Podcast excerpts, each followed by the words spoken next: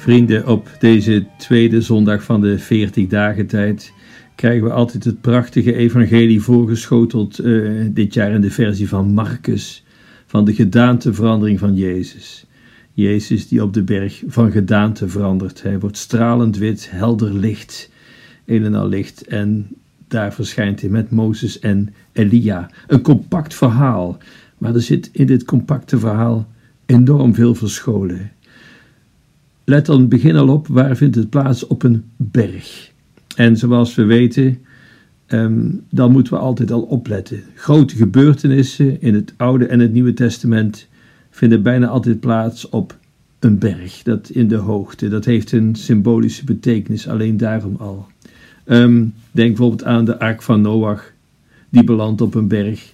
Denk aan Abraham, die het berg op gaat om zijn zoon te offeren. Denk aan Mozes, die God ontmoet op de berg. Denk aan Jezus als hij zijn befaamde bergrede uitspreekt en als hij sterft op de Calvarieberg. En dan nu de gedaanteverandering, de transfiguratie. En wie verschijnen daar met Jezus? Mozes en Elia. En dat is wonderlijk, want dat zijn bepaald geen tijdgenoten. En zo zien we dat er dus na de dood is er geen tijd. In de eeuwigheid is dat niet.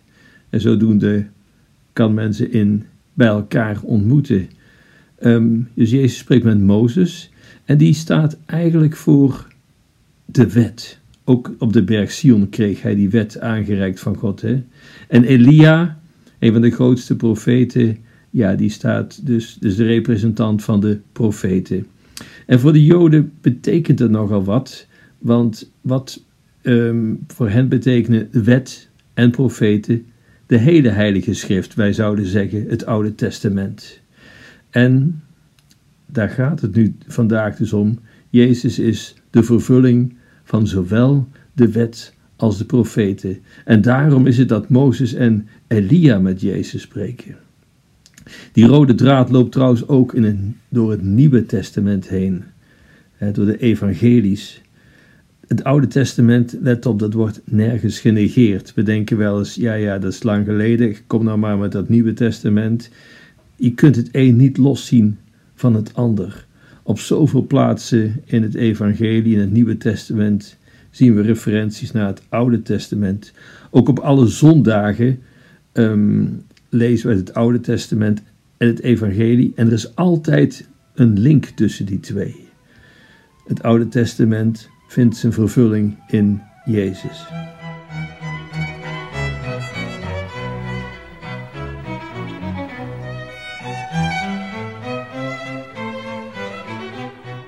Wat is het Oude Testament eigenlijk eh, voor een boek? Eh, het is een boek, als ik het zo mag zeggen, een boek dat niet af is. Er is iets met de wet, met de Torah, want die wijst vooruit, ergens naartoe, naar iemand toe. Er is iets met die profeten. Die profeten spreken van gebeurtenissen die nog plaats moeten vinden. Ze heten niet van niks profetieën. Het Oude Testament is een belofte die nog niet ingelost is. En hoe zien christenen Jezus als degene die de vervulling is van de wet van Mozes en van de profetieën van Elia, Jezaja, Jeremia, Micha, noem ze maar op. Hoe zit dat nu eigenlijk in elkaar? Waarom zijn die tien geboden gegeven aan Mozes? Moet je niet vergeten, Israël is het uitverkoren volk. Als je heel de geschiedenis van de mensheid opdeelt, hoe begint het? Met de schepping. En God zag dat het goed was. Deel 2, de zondeval. Het gaat mis. En dan 3, er komt, ja, God maakt het begin met een reddingsoperatie. En wat doet hij? Hij creëert zich een volk, een uitverkoren volk. En waarom Israël? Dat weten we niet. Hetzelfde geldt, waarom kiest hij Abraham en niet een ander of Mozes? Dat moeten we maar aan de goede God overlaten. Maar uit alle landen van de wereld heeft God Israël uitgekozen om een heilig volk te worden. En dat volk, dat zou een voorbeeld moeten worden voor de rest van de wereld. Hè? Een licht voor alle landen, voor heel de wereld. En door Israël zouden alle landen uiteindelijk weer verenigd moeten worden en uiteindelijk bij God gebracht worden. De herschepping, de recreatio. Gebeurt dat? Nee, nee. Vanaf het begin dat Mozes de tien geboden ontving, ging het eigenlijk meteen al mis. Denk aan het gouden kalf, het afgodsbeeld, de afgoderij begint weer. Israël heeft de wet, en dat is de wet van God. Maar je aan die wet houden, dat is een ander verhaal. En Israël slaagt er niet in. De Bijbel is daar bijzonder eerlijk en duidelijk in. De Torah is niet vervuld. En een van de profeten, die verwoordt het, maar die verwoordt ook hoop. Iedereen zal naar Israël kijken, zo zegt Jezaja. Maar ondertussen gebeurt het tegenovergestelde. Israël wordt bedolven onder buitenlandse troepen, Egypte, Syrië, de Babyloniërs, het Romeinse Rijk, de tijd van Jezus. En Israël weet, we zijn niet trouw geweest. En toch die belofte, die hebben ze altijd in het achterhoofd gehouden, hoe slecht het ook liep, hoeveel tijd er ook overheen ging, hoe ver ze ook verspreid werden van elkaar door de Babylonische ballingschap. Die belofte, die hielden ze in hun hoofd. Eens zal er iemand komen uit het geslacht van David. Goed, tot zover de Torah, de wet Mozes.